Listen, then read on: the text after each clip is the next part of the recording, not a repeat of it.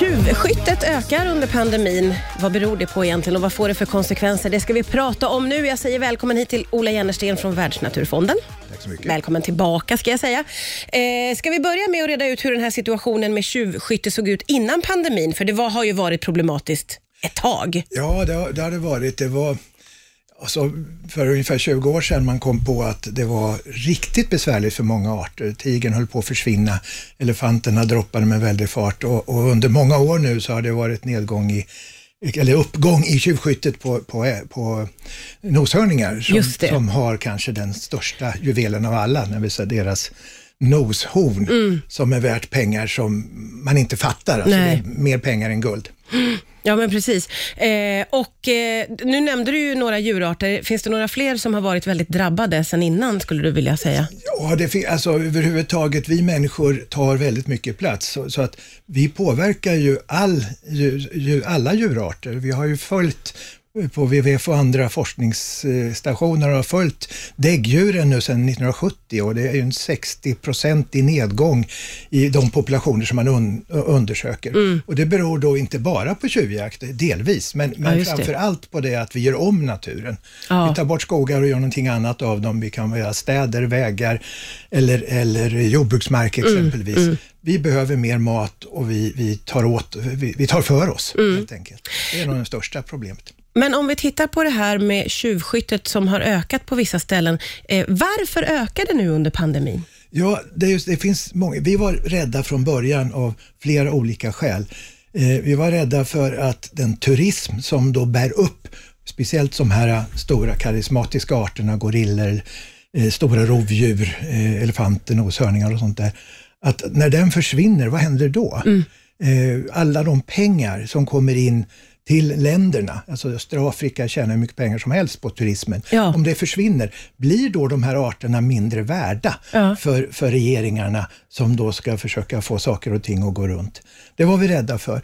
Vi var ju också rädda för då att eh, då när de inte anställer vakter och annat så, så kanske det är öppen hus eller öppen, öppen dörr då. Ja, just det. Till de här djuren. För att kunna skjuta dem Ja. och tjäna pengar på noshörn, horn, noshörningshorn och, Ja, och, och betar. Ja, Eh, och det där har både och eh, Ja, okej. hänt lite grann. ja. Eh, Det som definitivt har hänt, det är att människor som förlorar jobb eh, och som kanske åker hem till sina hembyar eh, där de då inte har jobb, måste äta någonting. Mm. Och då är det nära till hands att gå ut och skjuta eh, djur som man då kan äta. Alltså Ja, just det. mycket klövvilt som vi säger i Sverige, alltså Ja. rådjursliknande saker som, som då går i grytan. Ja, ja, ja. Eh, och ja man är hungrig, man behöver mat helt Man behöver enkelt. mat ja. helt enkelt. Så det har ökat. Ja. Eh, och det kan då i, i andra hand då få effekter på de här stora rovdjuren. En tiger exempelvis som inte får en, en sambarhjort i veckan Mm. mår, mår inte bra och, och ungarna kommer inte till och, och då går det dåligt under ett visst antal år. Ja, just det. Så allting hänger ju ihop hänger ihop, naturligtvis. I och med att eh, turismen eh, minskar, eller försvinner helt som den väl har gjort i Afrika om jag förstår ja, saken det är en rätt. otrolig nedgång på, på besökare Ja, naturligtvis. eh, då kommer det inte in några pengar och då är det många som har fått lov, gissar jag, att jaga för att kunna äta Ja, helt ja, enkelt. Eh, och, och, Po- Poaching for the pot står det i, i många rapporter. Alltså man, man tjuvjagar för att få mat till, hem till barn och familj. ja, just det. Eh, och, och det här med turismen som försvinner i sin tur, det gör att man har inte råd att ha så många vakter ute. Just det. Eh, just och det påverkar också då. Absolut.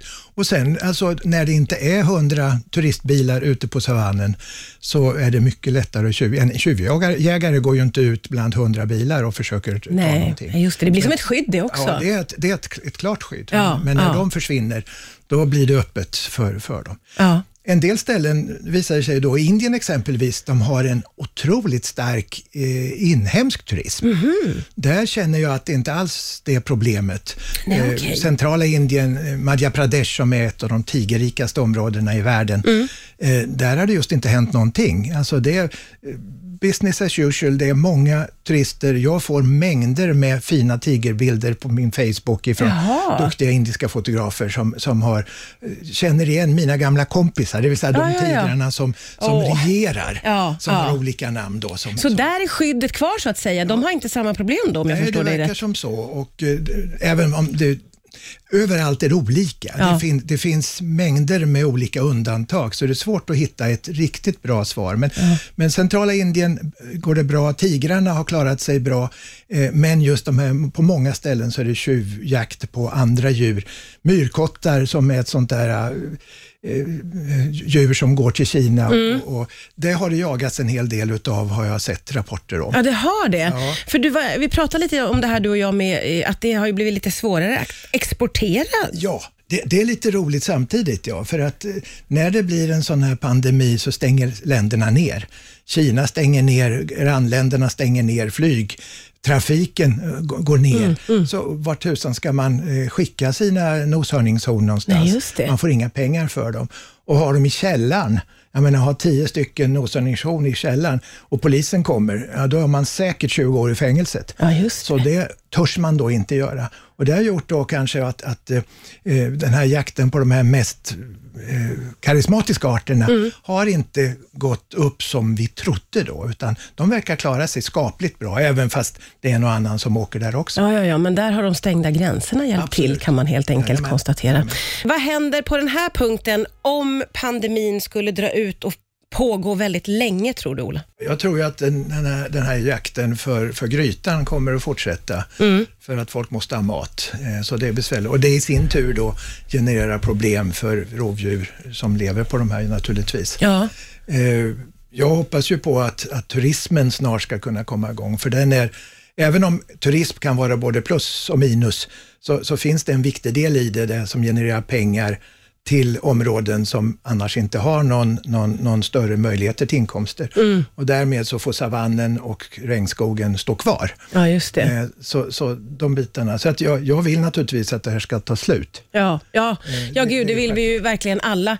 Eh, och, men det här, jag tycker det var intressant det här som du sa med att turismen också kan vara som ett skydd, för det har jag faktiskt inte tänkt på innan. Eh, man, man, det är så lätt att tänka att vi bara exploaterar och, och liksom går in på områden där vi inte ska vara, men det kan också vara till hjälp för djuren. I, jag menar, i, I Indien syns det där jätteväl på ett nat, na- nationalpark där bebyggelsen, alltså turistbebyggelsen, blir nästan som en mur där inte djuren kan gå. Så det är den negativa sidan. Mm. Men den, den positiva, om nu pengarna får gå till rätt saker, det vill säga att den här be, belägna byn får del av de här, att, att människor ser dollartecken i lejon och tigrars ögon, då, då blir det positivt. Eh, Och så har ju exempelvis då gorillorna gjort som har gjort byborna lyckliga i, i, i, i eh, centrala Afrika på, på ett väldigt fint sätt. Eh, vi har ju pratat om det här ämnet flera gånger, du och jag. Vi återkommer till det. Men, men vad, vad skulle krävas för att få bukt med problemet? Ja, alltså efterfrågan är det naturligtvis det man tänker på först. Att få människor eh, att inte tycka att noshörningshorn är värda tusentals kronor. Att t- få människor att förstå att det är roligare att ha en levande elefant eller en, en, en, en, en, ett elfenben som hänger på väggen. Eh, Det tror jag är det allra viktigaste. Sen gäller det ju som vanligt då, vi måste skydda dem där de finns, alltså de måste få vara levande och då är det parkvakter som hjälper det. Och, Ja, och det. Mm. då en levande turism som är god. Och sen måste vi då se till att alla tullare vet vad de håller på med, så att när det kommer konstiga saker i resväskan, att de upptäcker det så att det Mm. är svårt eller omöjligt att skicka det från A till B. Ja. Som alltid så intressant och informativt när du är här. Tack snälla Ola Jennersten från Världsnaturfonden. Tack.